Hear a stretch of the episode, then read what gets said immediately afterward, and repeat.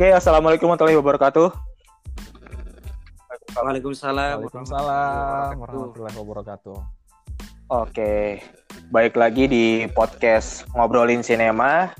Buat temen ngobrol yang baru uh, dengerin podcast ini, ini adalah podcast tentang kita ngobrolin tentang sinema, tentang film dan hal-hal tentang sinematografi.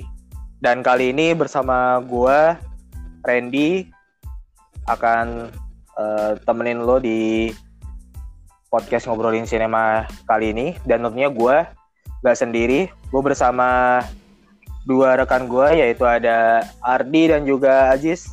Halo guys. Halo, halo. Halo. Apa kabar Ren? Alhamdulillah gue sehat, masih waras nih. Yes. Masih kuat nggak puasanya? Makasih lah baru seminggu baru awal-awal nih kan. Iya. Udah 8 hari ya? Baru Iya, baru 8 hari coy. Yoi. Baru minggu-minggu pertama ya. Harus Ayo. kuat lah. Biasanya minggu-minggu pertama itu berat loh. Iya Berasa sih. nggak sih? Emang Berasa iya? nggak sih? Karena Kalau mungkin gua sih- ya. Kalau gue sih nggak berasa malah. Wih, keren. Iya.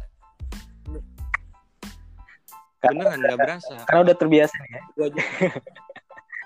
Gue aja. Cepet gitu. Misalnya kan udah tiba-tiba udah zuhur aja, tiba-tiba udah asar aja gitu. Nggak tahu kenapa. Apa karena hidup gue banyak masalah? Wah, itu, itu lu yang tahu sih coy. Jadi mikirin masalah mulu gitu nggak selesai-selesai sampai lupa waktu. Ya, tapi puasa kali ini agak sedikit beda sih kita ya. Iya cuy. Dari Bukan sedikit. emang bang, sih bang. banget sih.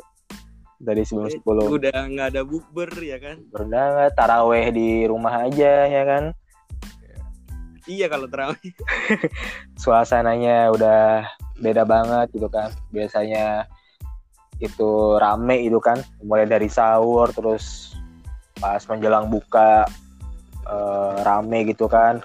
Terus schedule buat bukber itu biasanya udah padet.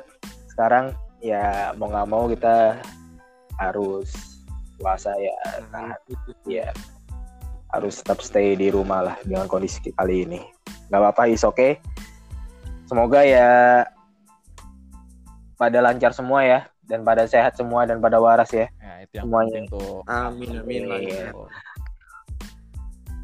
sip oke dan gue yakin di sini selain apa namanya selain ngisi waktu kerja di rumah masih udah pasti kerja di rumah kan ya pada semua ya Masih sih. masih ya Eh, Kalau gue sih masih on off. Mas. masih on off ya sip-sipan gitu ya Iya, karena kalau divisi gue sih nggak bisa ditinggal, nggak bisa kerja dari rumah. yes betul betul Nah, itu pejuang tuh pejuang. pejuang Iya. kerja lapangan Mantap. Keren, keren. yang penting tetap jaga kesehatan selalu bro itu sih poin pentingnya Tapi lu pakai APD nggak sih kalau kerja di lapangan? APD sih? Nggak paling cuma pakai masker sama sabut apa?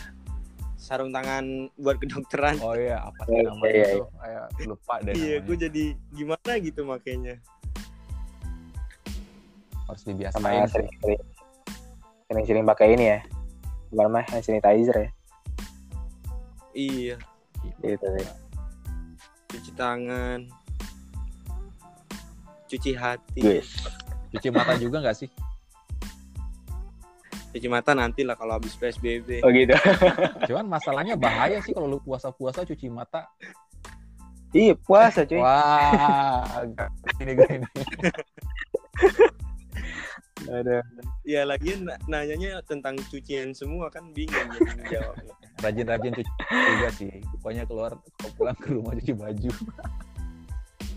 gue ngomongin apa sih nih? oke jadi seperti biasa nih guys. Ini kan kita ngobrolin sinema nih nggak jauh-jauh lah kita ngomongin tentang film kan. Pastinya juga kan kalau lagi kita sering di rumah kayak gini gitu kan. Pas lagi puasa pasti ngabisin waktu selesai kerja ya.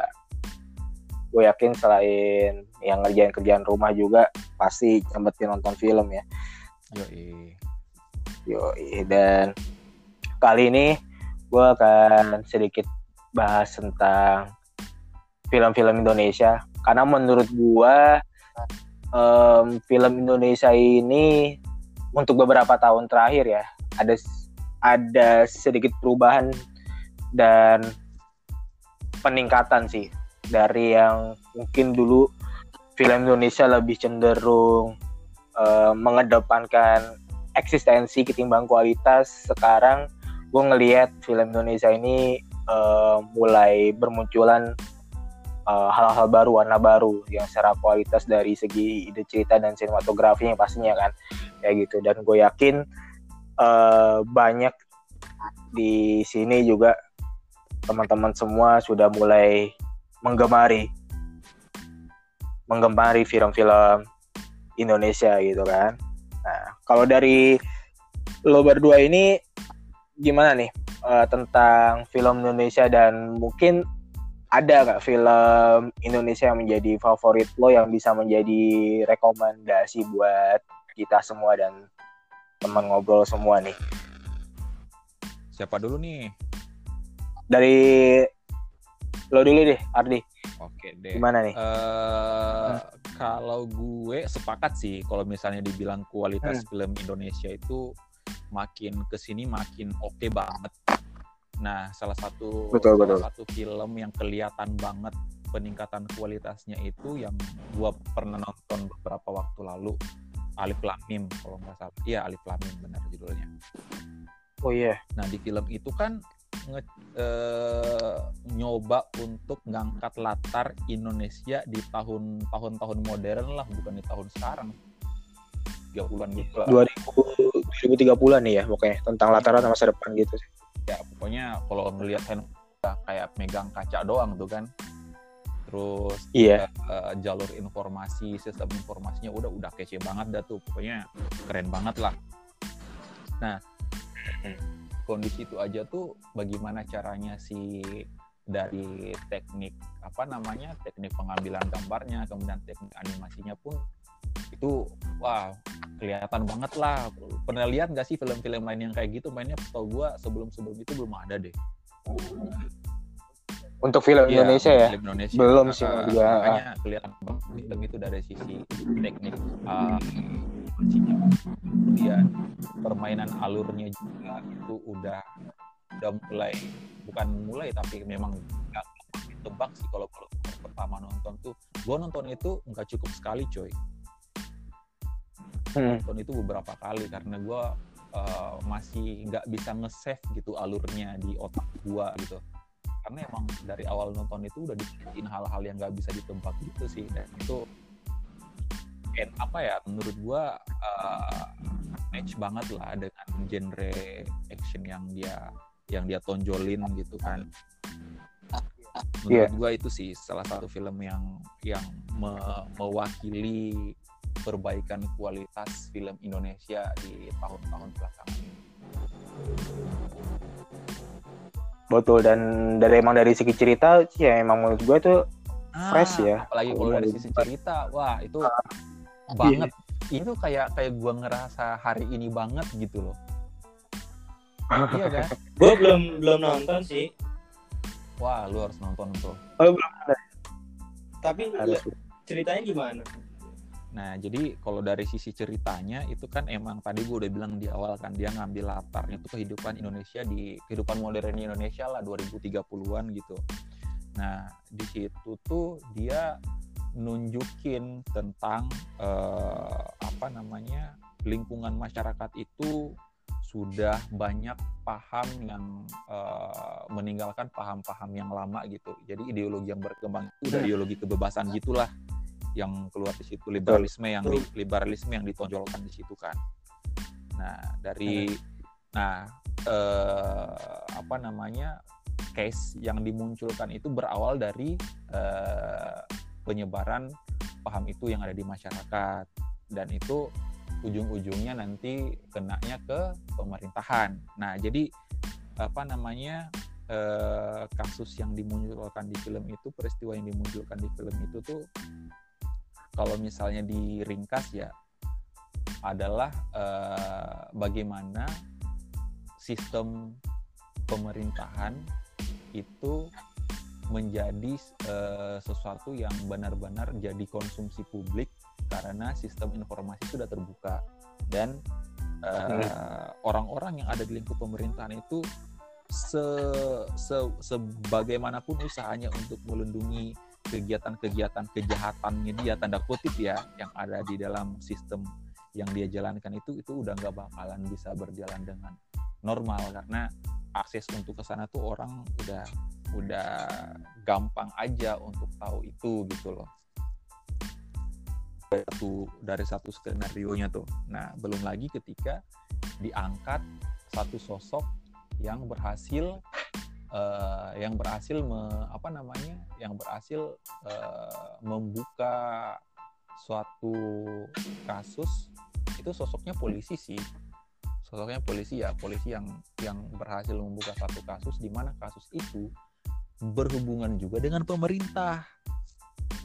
Betul betul. Nah jadi apa kalau mau di kalau kenapa tadi gue bilang hari ini banget tuh ya ya kita tahu sendiri lah kan ya tahun-tahun belakangan ini apa sih yang tersembunyi dari dari kasus-kasus yang ada di, di lingkungan pemerintahan gitu kan? Dari skandal korupsinya aja kita bisa tahu banget kan bahwa yang terlibat siapa aja gitu kan? Yang yang yang benar-benar mau ngambil sikap untuk menelusuri itu lebih jauh itu aja yang kita belum lihat yang dari tokoh itu di kehidupan nyata kan. Cuman kita nggak tahu kalau uh, pihak kepolisian udah sampai ke tahap itu atau belum? Ya itu kita nggak tahu sih. Kayak menurut gua film itu ya ya kekinian banget lah. Itu diproduksi tahun 2015 ya? 2015 atau 2016 gitu? Sekitaran itu ya berarti udah lumayan lama juga ya sekitaran itu lah Memang, memang. lama sih. gue sih pernah Cuman pernah itu- nonton teasernya. Hmm. Hmm. tapi ah, udah lama juga sih jadi kayaknya nggak sempet nonton apa gue pas di mana itu ya? Ada lagi satu ada lagi satu tuh yang Apa? menarik dari Angel yang apa Angel cerita yang diangkat di film itu tuh.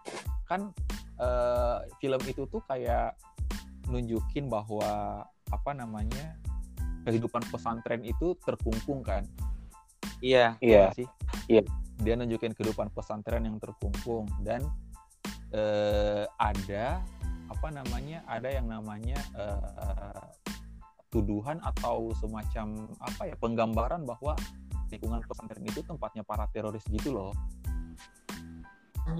Yes yes. Ya sampai sampai akhirnya sampai akhirnya eh, polisi itu polisi yang bertugas untuk mengusut kasus itu bertemu dengan eh, apa namanya eh, orang yang ada di pesantren itu gitu kan.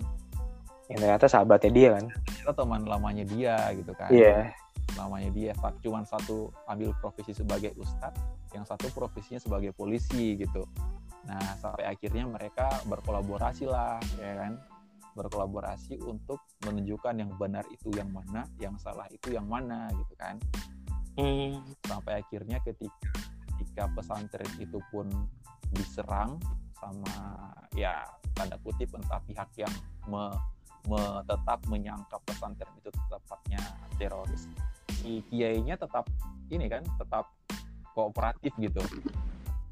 Betul. Si kiainya tetap karena merasa nggak salah jadi ya silakan silakan aja kalau mau di mau diperiksa gitu. Itu sih yang menurut gua salah satu nilai yang yang yang yang cukup bermanfaat gitu untuk di kehidupan sekarang. Jadi apa pun bagaimanapun kondisi di luar sana ya kita harus tetap mempertahankan eksistensi akidah ya kan? Eksistensi nilai-nilai yang positif gitu. Jadi bagaimanapun paham atau prinsip yang bertebaran di luar sana ya kita harus tetap berpegangan dengan prinsip-prinsip yang kita udah anut selama ini sih. Itu sih menurut gua nilai yang paling mahal dari film itu. Oh iya mas. Sorry nih gue potong. Apa namanya Eh, nontonnya di Hmm. mana kali aja kalau sekarang kan udah keluar gitu di Netflix atau apa gitu kayak gua pertama kali kan nontonnya di bioskop ya iya pertama di bioskop terus eh Cool. itu gua nonton lagi di gua lupa.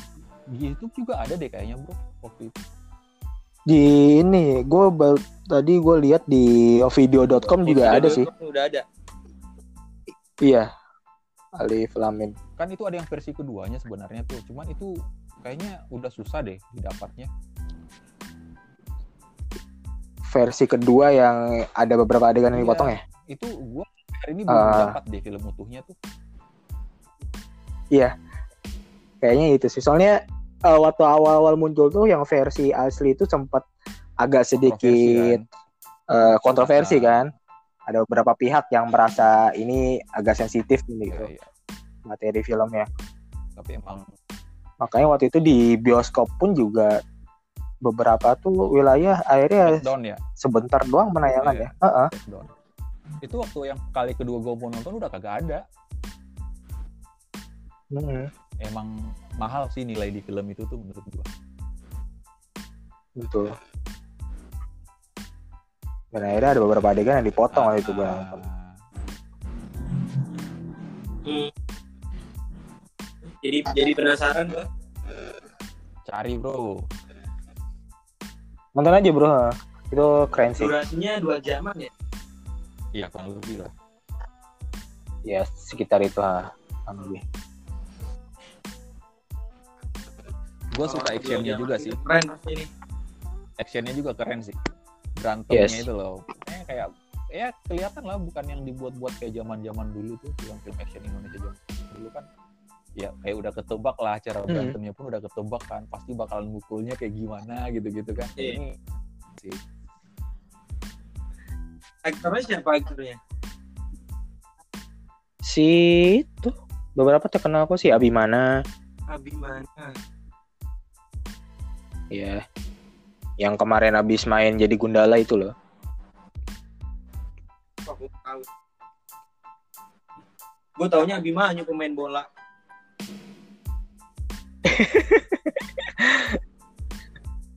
terus, Abimana terus apalagi ya tuh ya? Si ceweknya itu Prisia itu. Itu sih Agus Kuncoro yang gue ingat. Rambut Kencoro ya. Yang jadi yang jadi ustadz yang jadi Kan- ustadznya kan ya. kan mereka bertiga kan Alif Alif ada Lam ada Mim kan Lam yang, Ada yang Mim. jadi polisi Iya. itu Alif nah, si Mim yang jadi Ustadz yang Agus Kuncoro tuh nah Abimana yang jadi Lam Abimana Lam. tuh yang eh dia Iya. apa namanya wartawan wartawan Wartawan. jurnalis ya, pokoknya jurnalis. dan dia juga ter, dan dia juga terkekang dengan kehidupan jurnalis yang di mana nggak boleh keluarin berita-berita yang bertentangan dengan kebutuhan pemesan nah itu yang keren juga tuh di situ tuh Produsernya Yes. siapa? Ari Untung kalau nggak salah deh Siapa? Ari Untung ah. Eh, Ari Untung. Sutradara. si Angga Angga ya Angga eh Anggi Anggi Umbara ya lupa deh gua kalau sutradaranya Ah, ya tapi kayaknya iya sih Anggi Umbara, kayaknya Anggi deh Anggi Iya, Umbara. Hmm. Gue langsung penasaran. sip. Yang nonton lah bro. Di beberapa platform juga sekarang udah mulai muncul kok ternyata film itu gue masih penasaran yang versi kedua Keren, keren. sih. Itu susah banget deh carinya. Yang ver yang versi aslinya ya? Iya kayaknya udah nggak ada deh. Kayaknya kalau nelpon Mas Ari Untung bisa ngasih nggak ya Iya paling kayak gitu. Nonton nonton nonton indie gitu sih. Kayak buat tertentu deh tertentu kayaknya. doang tapi kalau Hmm, ke beliau deh. Sekali aja dibales eh, tapi tapi kalau publik kayaknya itu yang versi udah dipotong Iya. itu sih. Sayang banget sih. Itu mahal banget nilai film itu yes. Gua gua Betul. ngakuin nah Gua- kalau gua, Hah? gua ini juga ininya sih tim risetnya sih gua mengacungin jempol juga buat tim riset buat ide cerita film itu tuh karena kayak betul Iya benar-benar dekat banget gitu loh. Dia nggambarin kehidupan di 2030-an tapi ide ceritanya itu kayak ya kita bisa ngerti gitu loh. Dan itu emang arahnya besar ke sana gitu kan bakal ke sana yes wah keren risetnya sih. Yes nah kalau lo sendiri gimana Jis? Ya kalau gue sih baru-baru kemarin ini nonton apa namanya film di Hook ya original Hook film berat film action film detektif gitu. Apa tuh judulnya Detektif apa iya. Brata oh iya iya. Yang ada di itu ya? Itu kayak itu yang Iya, film series jadi itu kan ya? season satunya ada sih di YouTube. Hmm. tapi itu film Hmm, hmm. produksi originalnya Hook gitu. Sekarang udah season 2 udah sampai episode 10 oh oke oke oke. Ceritanya sih cuma nah, tapi keren sih. Apa ya, tegang nontonnya gitu susah ditebak juga maksudnya apa ya kita nonton nih eh kita tebaknya alur ceritanya Hmm. di sini tapi ujung-ujungnya enggak gitu jadi gua kalau nonton filmnya yang kayak gitu tuh jadi seru gitu makin seru nontonnya makin penasaran makin penasaran ini aja gua nunggu di season 3 nya udah mau ada season tiganya ya Katanya sih iya. Gue lihat komen-komen di YouTube. Nagi tapi dia tayangnya di mana di YouTube ya Season satunya. Season 2 sih baru muncul di Hook. Di Hook. tapi Hook bukannya udah mau ini ya Udah mau udah ditenggelamkan sama Bu Susi. Eh, Emang kenapa mas? enggak iya bukannya Hook udah gue denger kemarin tuh di di Twitter apa di IG gitu katanya Hook ini udah udah ini bye bye Enggak apa bawa masalah berita ya. Tapi yang pasti gue masih nonton sih. Iya, tapi Masih ya? kemarin nggak tahu gue hari ini belum nonton. Orang Hmm. orang stok film udah habis yang gue suka. atau mungkin yang yang yang bayinya itu update filmnya kali Update filmnya. ya kemungkinan bisa jadi kan kalau update film nggak masuk lagi filmnya ke dalam gitu. Platformnya mungkin bakalan eksis eksis aja. Tapi kalau update film kan itu yang yang nggak tahu juga sih. Itu dugaan gua doang. Dia sempat ramai yang main di Twitter tuh. Bye bye dia. Platformnya. Yang babai bukannya tuh next tuh. iya itu kan iya Anak Twitter banget. ya Hmm. nanti gue pastiin lagi sih tapi itu ya yang salah satu film Indonesia yang Iya. lo suka ya Jis ya Selama ini Berata sih ya itu yang gue baru nonton kemarin. kalau gua sih gue sem gue juga beberapa tahun terakhir sih lagi suka sih.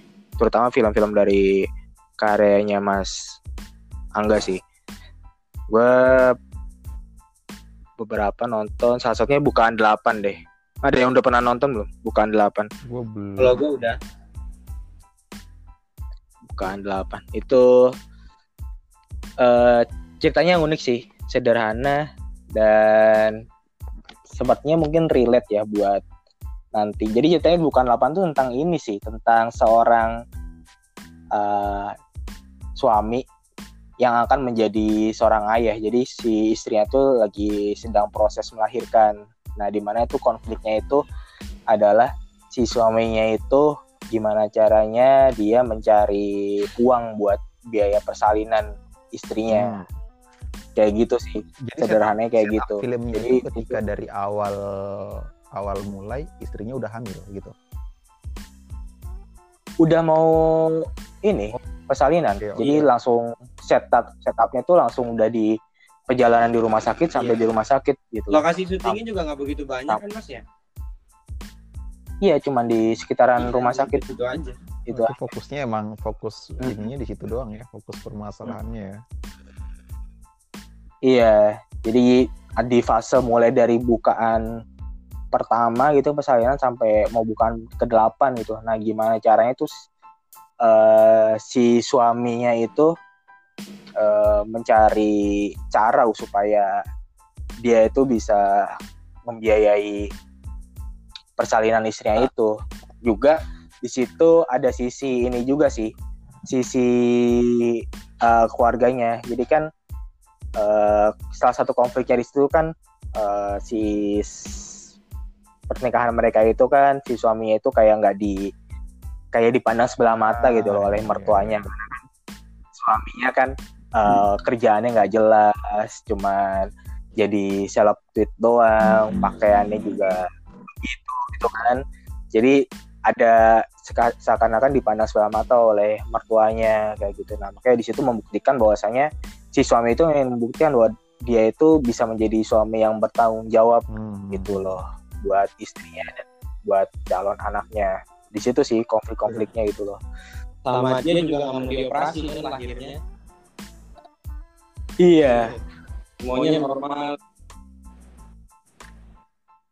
Dan di ini ya di rumah sakit ternama juga ya. Di karena tuntutan iya. dari hmm. ini juga kan mertuanya harus di ruangan VIP lu bisa ngebayangin gimana caranya itu dalam waktu kurang dari mungkin kurang dari 12 jam kali ya lu harus nyari duit dana yang sekian yang nggak sedikit lah gitu. Ini sekitar belasan juta atau sampai 20 juta gitu buat ngebiayain tuh semua. Kayak gitu sih. Luar biasa ya. Menarik. Uh, menarik. Jadi seakan kan gua ih begini ya perjuangan seorang uh, bapak buat ngelah buat ngelahirin ini anaknya perjuangan seorang suami buat uh, istrinya itu ya kayak gini sih luar biasa keren sih. setelah nonton itu tuh lu udah mikir itu. nabung ya nabung buat niat buat, iya. bukan bukan buat nikah doang tuh masih ada lagi tuh iya ke depannya harus dipikirin sih Berarti iya, kalau gitu target sih. target buat target nikah doang yang dikumpulin sekarang udah enggak ya? Udah harus ngumpulin sampai buat persalingan buat bukaan delapan. Iya, iya harus begitu mikirnya kita sebagai laki-laki tuh oh, tanggung jawabnya itu bukan hanya sekedar ini loh bukan hanya sekedar ngasih bukan hanya sekedar BPJS. Iya. Udah gampang BPJS belajar jadi laki-laki ya, bertanggung gitu. jawab coy. Betul sih. Dari situ sih. Atau dari nah, sekarang udah siapin asuransi dah buat bukaan delapan.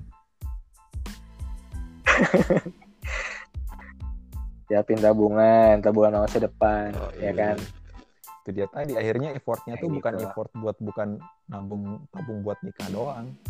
Effort yang di, kita kumpulin sekarang tuh udah harus naik targetnya nih targetnya sampai di mana gitu yang kan? dikumpulin minimal minimal budget lah sampai di situ luar biasa iya. jangan sampai nanti kalang kabut pas sudah Jadi, hari A-nya pelajarannya kan itu. kemungkinan besar itu sih biar kita nggak biar biar iya. biar jadi laki-laki yang siap aja gitu cie laki-laki yang siap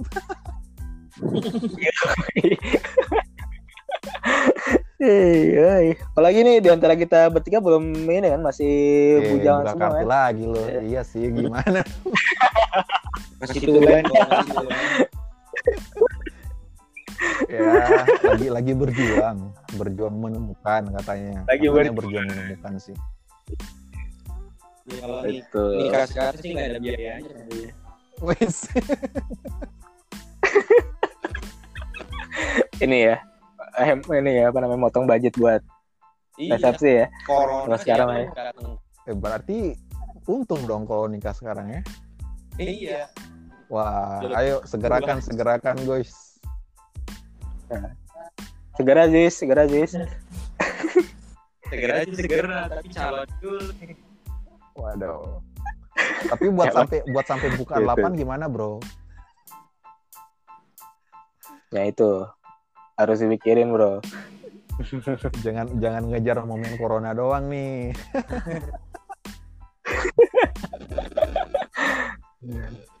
apalagi di grup keluarga corona mulu Iya. Tapi by the way belum eh, yang film tentang corona itu kalau udah pada pada, pada nonton belum sih? Hah? Yang film tentang corona. gue baru tahu film gimana Yang virus itu, Iya. yang virus itu ya, Iya, kayak iya. virus-virus gitu ya. Apa sih judulnya? juga sih gue. Ada beberapa versi sih. Ada beberapa versi film Hmm. yang ngejelasin tentang itu. Ya flu flu judulnya flu kalau nggak salah. Flu ya, flu. Nah, ada yang judulnya Hmm. flu, terus ada yang judulnya apa lagi di situ. Gua lupa dah. Ada dua sih yang yang pernah gua lihat ininya ya, tapi nggak full gitu nontonnya karena lo. Ngomongin film keren sih kalau menurut kalian kalau misalkan film tuh kebanyakan yang jebol sampai juta puluhan juta tuh ya film-film percintaan gitu Hmm. film-film Ya. contoh lah baru kayak kemarin yang jebol film Dilan itu kan gila banget penontonnya ya Ya lagi-lagi selera sih kayaknya cuy. Iya. tapi be- tapi itu nggak sih mas Betul, betul. maksudnya eh emang film kayak gitu doang yang disuka apa gimana gitu? Apa emang penontonnya lebih banyak film kayak begitu? Maksudnya di kalangan remaja-remaja gitu yang nonton? Kalau menurut gua itu sebelum nyampe ke situ tuh pastinya kan orang sebelumnya nggak tahu ya itu film itu mau kayak gimana gitu kan. Mm-mm. isinya seperti apa. Tim promosinya sih menurut gua tim promosi? Yang iya tim promosinya yang cukup sukses menurut gua. Untuk ngedeliver ngedeliver isu tentang film itu gitu loh. Misalnya mungkin yang di yang ditonjolin pemainnya dulu gitu kan. Ya Dilan siapa sih yang nggak kenal pada masa itu gitu kan? Mm-mm. si Iqbal gitu nah ditonjolin dulu. Ya kalau gua ini kalau gua di film itu tuh sebenarnya nggak kalau nonton nonton isi nonton isi filmnya secara utuh sih nggak utuh gua nontonnya gitu. Karena waktu itu sambil agak ngantuk juga sih gua nontonnya. Nontonnya sama siapa dulu nih? Sama anak-anak rame nontonnya rame-rame. Oh ya pantesan kan cuman cuman keluar nontonnya itu after after office gitu kan. After office capek-capeknya gitu Iya, iya. kebanyakan kebanyakan meremnya daripada nontonnya gitu Hmm. nah tapi sebelum sebelum tiba keputusan mau nonton film itu gitu kan kan ada rangsangan kan ada ada ada ajakan ada Iya. rangsangan Hmm. ada ada seruan buat nonton film itu nah yang kita pikirin seruan itu dari mana gitu loh kalau bukan dari kegiatan promosinya gitu kan iya sih buktinya ketika gua nyampe di dalam pun ya dari sisi isi cerita pun ya menurut gua ya nggak ada hal yang harus mengacungin dua jempol gitu. Apa masuk ke selera juga nggak sih mas? Bisa jadi sih mungkin karena selera gua bukan ke arah itu ya. Bisa jadi ya. juga paling kebanyakan yang nonton tuh kayak misalkan masih anak-anak SMA SMP gitu. Bener nggak sih? Karena Dilannya kan? Mm-mm. ya nggak sih? Nah itu dia. Iya, kalau iya. nggak salah dia tembus 20 juta deh. Wih gila terus dia lagi itu apa? Iya, iya. saingannya sama Warkop Reborn. Warkop. Ah kalau itu gua suka tuh. Walaupun ya nggak sengakak nonton warkop yang sebenarnya ya. Iya. Tapi, Tapi- lucu ya. eh, yang gua lucuin itu dari pertama karakter yang dimainin sama mereka bertiga itu tuh usaha banget ya kuat banget usahanya buat mirip-miripin sama iya Dono Kasino Indronya Iya. Tapi Tiga orang itu ya. actingnya. Itu. tembus berapa tembus 20-an juga itu 20 jutaan juga ya banyak pecinta warkop kan iya jadi itu kalau gua yang pas lagi nonton banyak juga ibu-ibu yang nonton hmm ya usianya lah ya iya. Karena mengingat ini, mengingat masa-masa dulunya juga. kalau ABG Pengen ABG mengenang yang itu sekarang mungkin. mungkin bingung kali ya belum pernah nonton atau udah pernah sampai sekarang film warkop zaman dulu itu masih tayang nggak sih di TV TV oh Masih cuy. Apalagi pas di hari-hari libur gini ketahuan gua ketahuan gua jarang nonton TV Sering. kalau Iya.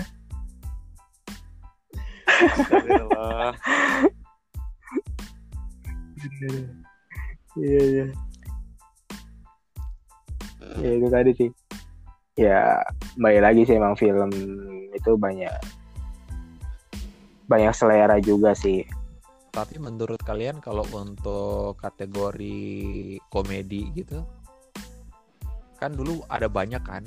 Dulu kan Hmm? dulu kan apa namanya eh, tim-tim film komedi gitu ada banyak kan misalnya kayak DKI terus ada Doyok sama Kadir gitu kan terus ada Yes. kelompok apalah gitu Tim lu, tim lu. Ah, tim Trimulat. menurut Tim kalian ya Iya. kalau misalnya di combine tuh misalnya seandainya karakter-karakter kayak gitu tuh dihidupin lagi di Hmm. di kondisi-kondisi sekarang menurut kalian masih oke nggak masih match nggak atau masih dibutuh nggak masih bakalan pada nonton nggak ya kira-kira cerita-cerita kayak gitu tuh Kalau menurut gue sih ya, kalau Warkop DKI sih sekarang ini masih kejual.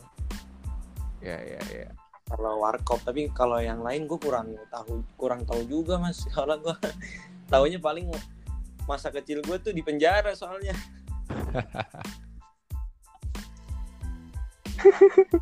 Iya penjara, penjara suci asik. Yoi. Ya kalau menurut gua sih masih masih mungkin ini ya. Bisa ya. Karena eh, komedi mereka itu em, ini loh unik menurut gua.